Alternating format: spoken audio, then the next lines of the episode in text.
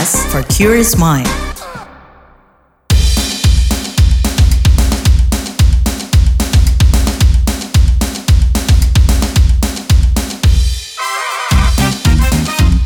What's Trending KBR Pagi, siaran pagi radio paling update.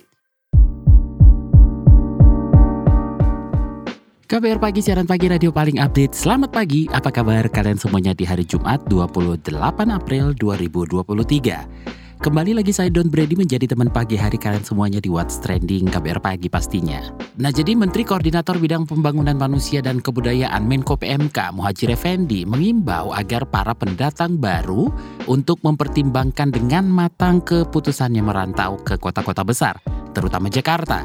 Melansir dari laman kemenkopmk.go.id, Muhajir mengatakan bahwa siapa pun yang akan menuju ke ibu kota menjadi hak mereka. Tetapi, kata dia, merantau ke ibu kota tidak bisa datang tanpa modal, baik modal dalam bentuk keterampilan, modal pengetahuan maupun yang lain. Itu yang menurutnya harus dimiliki oleh setiap mereka yang akan mencoba beradu nasib di wilayah DKI Jakarta dan sekitarnya. Muhajir menyadari bahwa pemerintah tidak bisa membatasi secara keras untuk melarang para pendatang membawa sanak saudaranya datang ke Jakarta. Namun demikian, ia meyakini persoalan tersebut akan semakin berkurang seiring dengan tersebarnya dan terdistribusinya pusat-pusat industri di daerah. Dinas Kependudukan dan Pencatatan Sipil Provinsi DKI Jakarta memprediksi jumlah pendatang baru di ibu kota akan bertambah 20 hingga 30 persen pasca Lebaran 2023. Jumlah tersebut setara dengan sekitar 36.000 sampai 40.000 orang. Kepala Dinas Kependudukan dan Pencatatan Sipil Dukcapil Provinsi DKI Jakarta Budi Awaludin mengungkapkan meski tak menggelar operasi justisi, namun para pendatang diminta untuk segera melapor ke RT RW setempat saat tiba di Jakarta. Ia menyebut tujuan pendataan tersebut supaya tertib administrasi kependudukan. Sementara itu, Wali Kota Surabaya Eri Cahyadi mempersilahkan warga yang berasal dari luar daerah datang ke Kota Pahlawan. Kata dia, Kementerian Dalam Negeri tidak melarang masyarakat yang ingin berpindah KTP, namun ia berharap warga luar daerah yang akan datang ke Surabaya sudah dipastikan telah memiliki pekerjaan dan tempat tinggal. Ia menyatakan bahwa Pemkot Surabaya terus berupaya maksimal untuk mengentaskan pengangguran dan kemiskinan. Upaya itu salah satunya dilakukan melalui berbagai program padat karya. Akan tetapi, kata dia, Pemkot juga memiliki prioritas intervensi terhadap warga miskin di kota Surabaya yang saat ini masih menyasar pada warga dengan KTP Surabaya tahun 2020 ke bawah. Nah, kita mau ngobrolin soal ini setelah komentar netizen plus 62 berikut ini.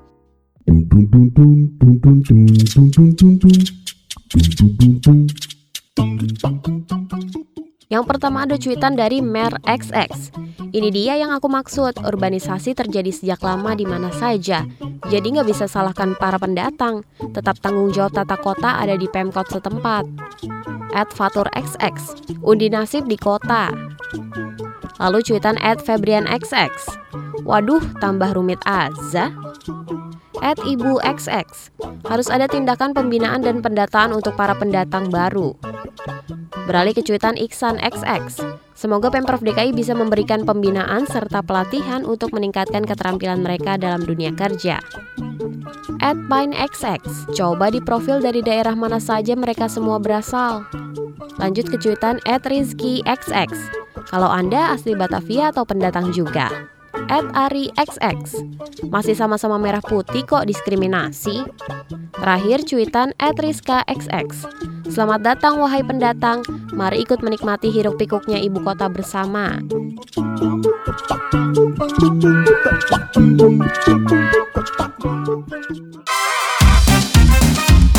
What's Trending KPR Pagi, siaran pagi radio paling update. Kita lanjutkan obrolan kita pagi ini. Jadi hingga Mei nanti Pemprov DKI Jakarta bakal terus mendata pendatang baru yang tiba. Menurut Kepala Dinas Kependudukan dan Pencatatan Sipil DKI Jakarta, Budi Awaludin, mengimbau para pendatang agar tidak hanya memiliki tempat tinggal, tapi juga harus punya kemampuan atau keterampilan pekerjaan guna menetap di ibu kota. Kata dia, jika pendatang tersebut tidak memiliki pekerjaan dan tempat tinggal, maka tidak akan bisa mengurus layanan administrasi karena mereka tidak ada dalam sistem Dinas Dukcapil DKI Jakarta. Kita dengarkan pernyataannya di hadapan jurnalis pada Rabu kemarin. Uh, untuk para pendatang baru yang datang ke Jakarta, ya kita sampai saat ini belum ada kebijakan untuk operasi justisi. Ya, dalam dua hari sebelum Lebaran kemarin, kami sudah melakukan sosialisasi melibatkan Pak Camat, Lurah, Pak RT dan Pak RW di dalam proses pendataan baru untuk pendatang yang untuk arus balik mudik ini. Pada saat arus balik mudik ini, ya kita juga melibatkan tidak hanya RT dan RW juga desa wisma di mana sebenarnya tidak ada hal yang baru seperti tahun-tahun sebelumnya. Namun ada sedikit hal yang sedikit berbeda saja di mana kita melibatkan Pak RT dan Pak RW di dalam proses pendataan arus balik mudik dan seterusnya nanti ke depan. Seperti itu. Kalau sebelum tahun 2019 pelibatan RT RW itu pada saat uh, proses sebelum pelayanan dokumen kependudukan. Saat ini setelah mereka melakukan pelayanan dokumen kependudukan, kita mintakan mereka untuk melapor ke Pak RT ya dan Pak RW setempat agar Pak RT dan Pak RW bisa mengetahui uh, uh, masyarakatnya yang ada di lingkungannya dan mereka juga bisa melapor kepada kepala lingkungannya dan ini juga untuk uh, tentunya uh, sosial kontrol ya uh, bagi Pak RT dan Pak RW di lingkungan mereka karena Pak RT Pak RW juga punya tugas menjaga sama-sama menjaga keamanan dan kenyamanan lingkungan di wilayah masing-masing seperti itu. Tujuan pendataan untuk tertib administrasi kependudukan. Pendataan itu untuk yang mereka yang datang ke DKI Jakarta. Ada dua tipe mereka mendatang ke Jakarta. Pertama mereka ingin menetap dan mereka uh, penduduk yang non permanen. Nah, jadi dua, dua, dua kondisi ini yang kita data selama satu bulan, Hamin satu atau pasca uh, pada saat mudik balik, harus harus mudik balik ya puncaknya, sehingga satu bulan kita lakukan pendataan untuk penduduk non permanen dan juga penduduk yang menetap di DKI Jakarta. Kita berkolaborasi dengan Dasa Wisma ya untuk uh, apa namanya mereka juga memantau para pendatang ya yang ada di wilayah masing-masing. Kalau misalnya kita ngeliat tren pendatang selama tiga tahun ya seperti juga kami sudah infokan sebelumnya ya mereka yang pendatang dan juga untuk pendatang mudik balik ya tiga tahun pendatang ini kita kita lihat trennya 80% bahkan untuk yang pendatang mudik balik ini ya 80% dari mereka mereka berpendidikan SLTA ke bawah ya 50% mereka berpenghasilan rendah ya dan mereka 20% berkonsentrasi di RW kumuh Demikian kalau misalkan nanti ke depan Jakarta sudah tidak lagi menjadi ibu kota negara di tahun 2024 ya.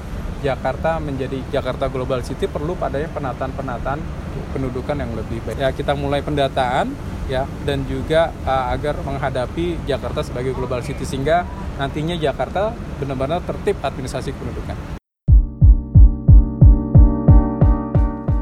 Bagaimana teknisnya pendataan dilakukan? Kita simak kelanjutan penjelasan Kepala Dinas Kependudukan dan Catatan Sipil DKI Jakarta, Budi Awaludin. Kita ada form, jadi form khususnya itu adalah kita ada form baru di mana di saat mereka datang ke DKI Jakarta, ya di situ nanti ada form. Formnya itu berisi tanda tangan antara pemohon dan juga apa dari petugas loket layanan kita. Nah, form itu yang nanti diserahkan ke Pak RT. Kita ya Pak Gubernur dan kami semua menghimbau agar mereka di saat mereka datang ke Jakarta tidak hanya tempat tinggal tapi juga kita menghimbau mereka punya skill, keterampilan dan juga pekerjaan sehingga pas sudah datang ke Jakarta mereka siap untuk siap mental ya dan untuk uh, mengadu nasib di Jakarta sehingga tidak kondisinya lebih tidak lebih sulit saat mereka datang ke Jakarta. Nah, kami juga berkomunikasi ke Pak RT melalui aplikasi data warga.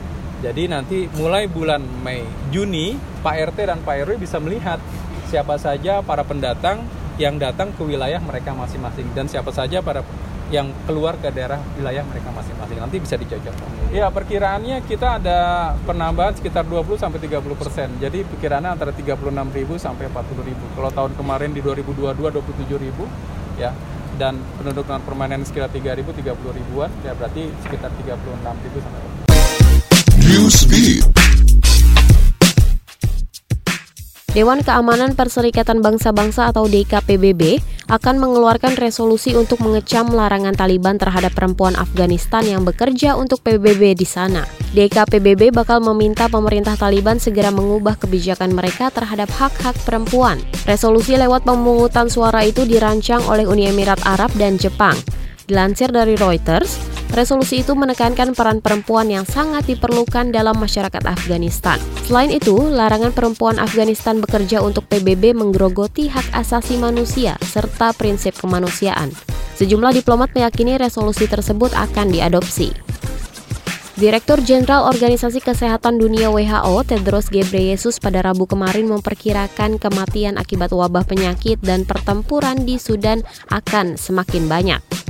Mengutip Reuters, WHO mencatat pertempuran tentara Sudan melawan para militer pasukan dukungan cepat atau RSF sejak pertengahan April telah menewaskan lebih dari 450 orang dan lebih dari 4.000 orang luka-luka.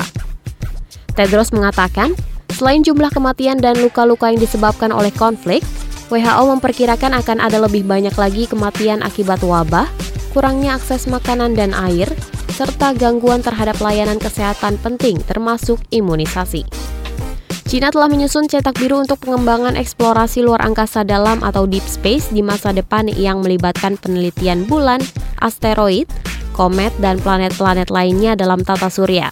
Mengutip Antara, China akan meluncurkan satelit relay Kuei-Xiao 2 atau Make-Pi Bridge 2 dan wahana Change E6 sekitar tahun 2024 mendatang untuk mengumpulkan sampel dari sisi jauh bulan dan membawanya kembali ke bumi. Hal ini diungkap oleh Kepala Perancang Proyek Besar Eksplorasi Deep Space, Wu Yanhua.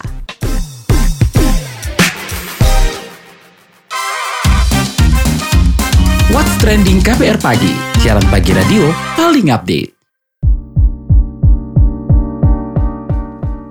Perkara adu nasib ke kota itu yang kita obrolin pagi ini. Jadi seperti apa semestinya kebijakan yang diambil terkait perpindahan penduduk ke kota ini? Kita obrolin bareng pengamat kebijakan Trubus Rahadiansyah. Pak Trubus, pemerintah kota-kota tujuan uh, urbanisasi mengimbau pendatang untuk punya tempat tinggal dan pekerjaan lebih dulu.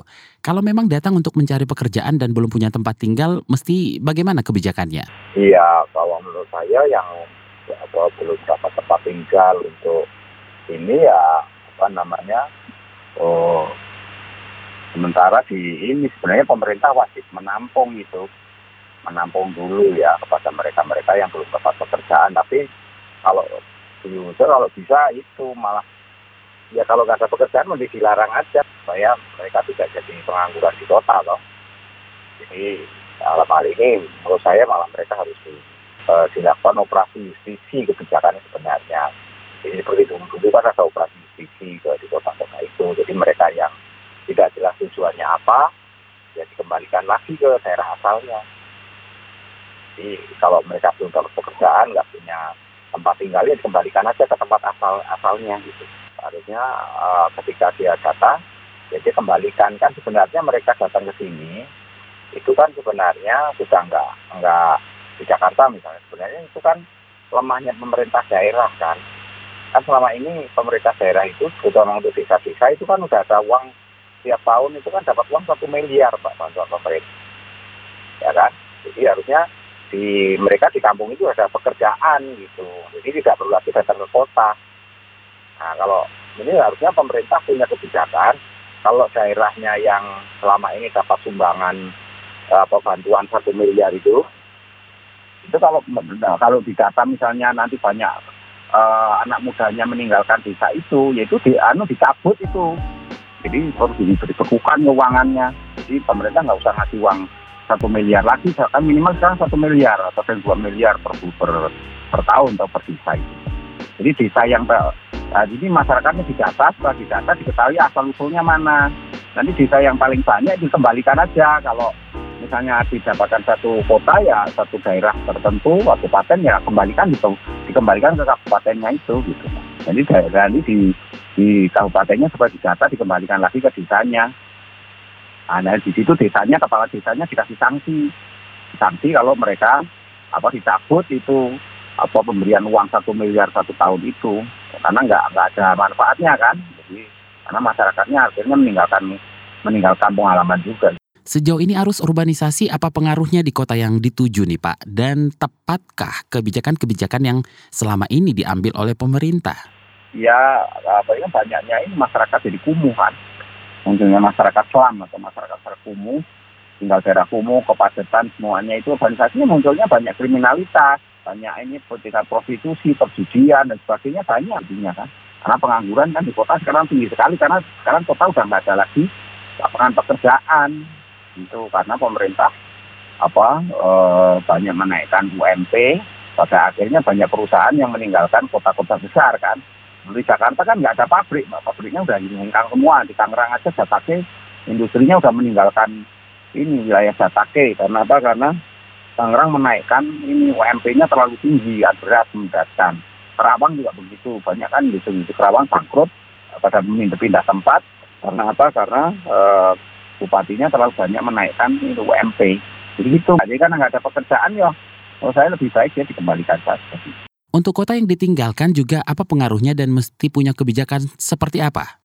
Ya, kalau daerah yang ditinggalkan ya berarti daerah itu kan apa mengalami tidak mengalami kemajuan kan? Jadi nggak ada pertumbuhan pertanian jadi nggak nggak jalan perkebunan nggak jalan. Kan itu karena minimnya SDM-nya sekarang di kampung-kampung kan hampir SDM-nya kan sedikit gitu kan? Ya, anak-anak muda yang mau ber, mau masuk ke dunia pertanian kan? Pertanian perkebunan. Padahal pertanian perkebunan kan selama ini yang istilahnya itu terhadap perubahan karena pandemi COVID karena apa itu tidak terpengaruh gitu. Jadi harusnya pertanian perkebunan itu bisa ditingkatkan di desa itu daerah itu. Tapi kalau orangnya pada kabur ya nggak ada ya. Susah makanya itu anggaran satu miliar itu harus dimanfaatkan. Kalau nggak bisa ya anggaran satu miliarnya dicabut aja gitu. Rekomendasi Anda menyikapi urbanisasi? Ya, urbanisasi itu saya harus ada eh, kolaborasi pemerintah pusat dan pemerintah daerah ya. Jadi di sini antara asal maupun daerah yang dituju itu sama-sama melakukan pendataan kolaborasi kan sekarang KTP kan sudah di KTP ya digital. Jadi tinggal didata aja, nanti tinggal apa pemerintah daerahnya yang harus membuat kebijakan, misalnya menghidupkan pertanian, menghidupkan transportasi di daerahnya masing-masing. Karena tiap tahun kan apa daerah itu dapat apa, dana alokasi umum DAK, DAU, dana khusus, dana alokasi otonomi dan macam-macam. Itu kan dana-dana itu kan selama ini digelontorkan di daerah. Nah kalau daerahnya nggak bisa apa menciptakan lapangan pekerjaan, membuat penduduknya generasi mudanya meninggalkan daerah itu ya daerahnya dicabut itu. Jadi nggak usah dikasih DAU, DAK-nya, dikasih sanksi mbak. Biar mereka mikir kan. Jadi jangan dikasih uang lagi. Jadi daerah pemerintah pusat jangan mengunculkan anggaran lagi untuk hal-hal yang nggak perlu. Terima kasih pengamat kebijakan Trubus Rahadiansyah.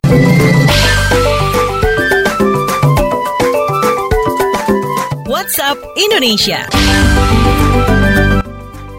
WhatsApp Indonesia dimulai dari Jakarta. Greenpeace Indonesia menegaskan gelombang panas yang saat ini melanda Asia merupakan bukti nyata terjadinya krisis iklim.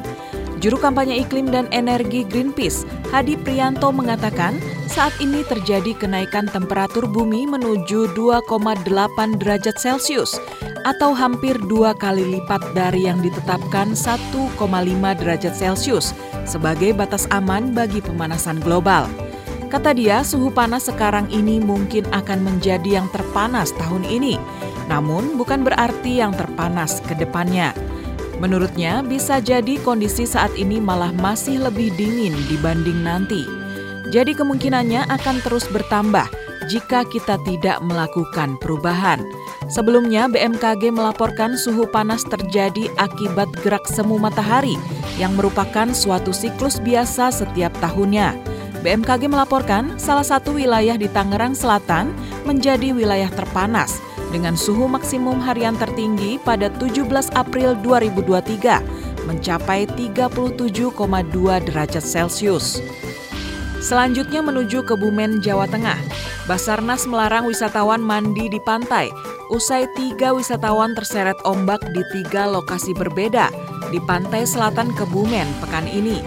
Kepala Basarnas Cilacap, Adah Sudarsa mengatakan pihaknya berkoordinasi dengan kepolisian, Pemda, pengelola wisata dan pihak terkait lainnya untuk mengintensifkan patroli demi mencegah wisatawan masuk area berbahaya.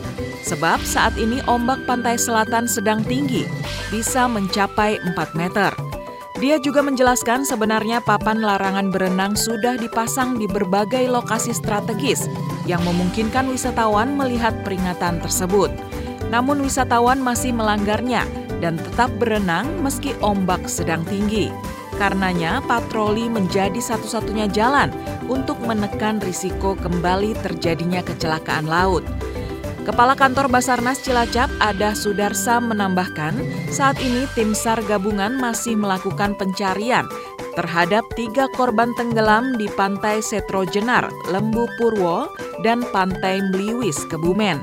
Pencarian dilakukan dengan penyisiran laut dan darat. Rencananya pencarian akan dilakukan hingga tujuh hari setelah kejadian. Sebelumnya, sebanyak tiga wisatawan tenggelam terseret ombak pada Minggu, Senin, dan Selasa. Ketiga korban mandi di laut tanpa mengenakan pengaman atau pelampung hingga terseret ombak. Terakhir mampir Mataram, Nusa Tenggara Barat.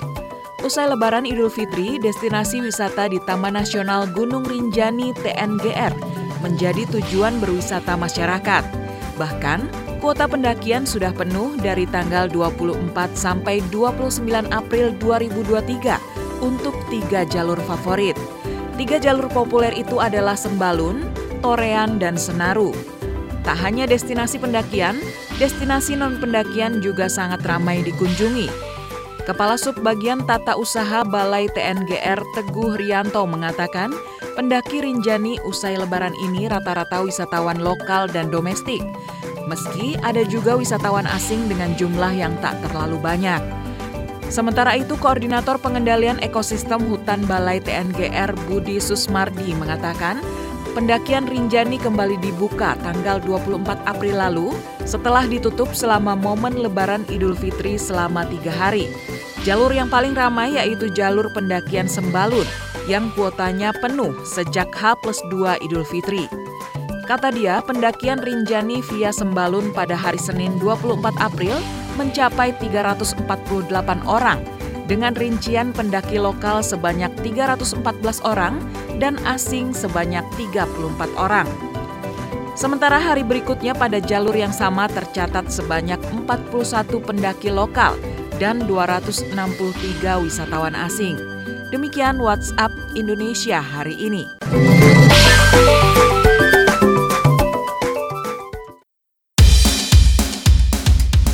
Terima kasih sudah mendengarkan What's Trending KBR Pagi. Jangan lupa tetap dengarkan podcast What's Trending di kbrprime.id dan di aplikasi mendengarkan podcast lainnya. Don't ready pamit. Have a nice day. Have a nice weekend. Stay safe.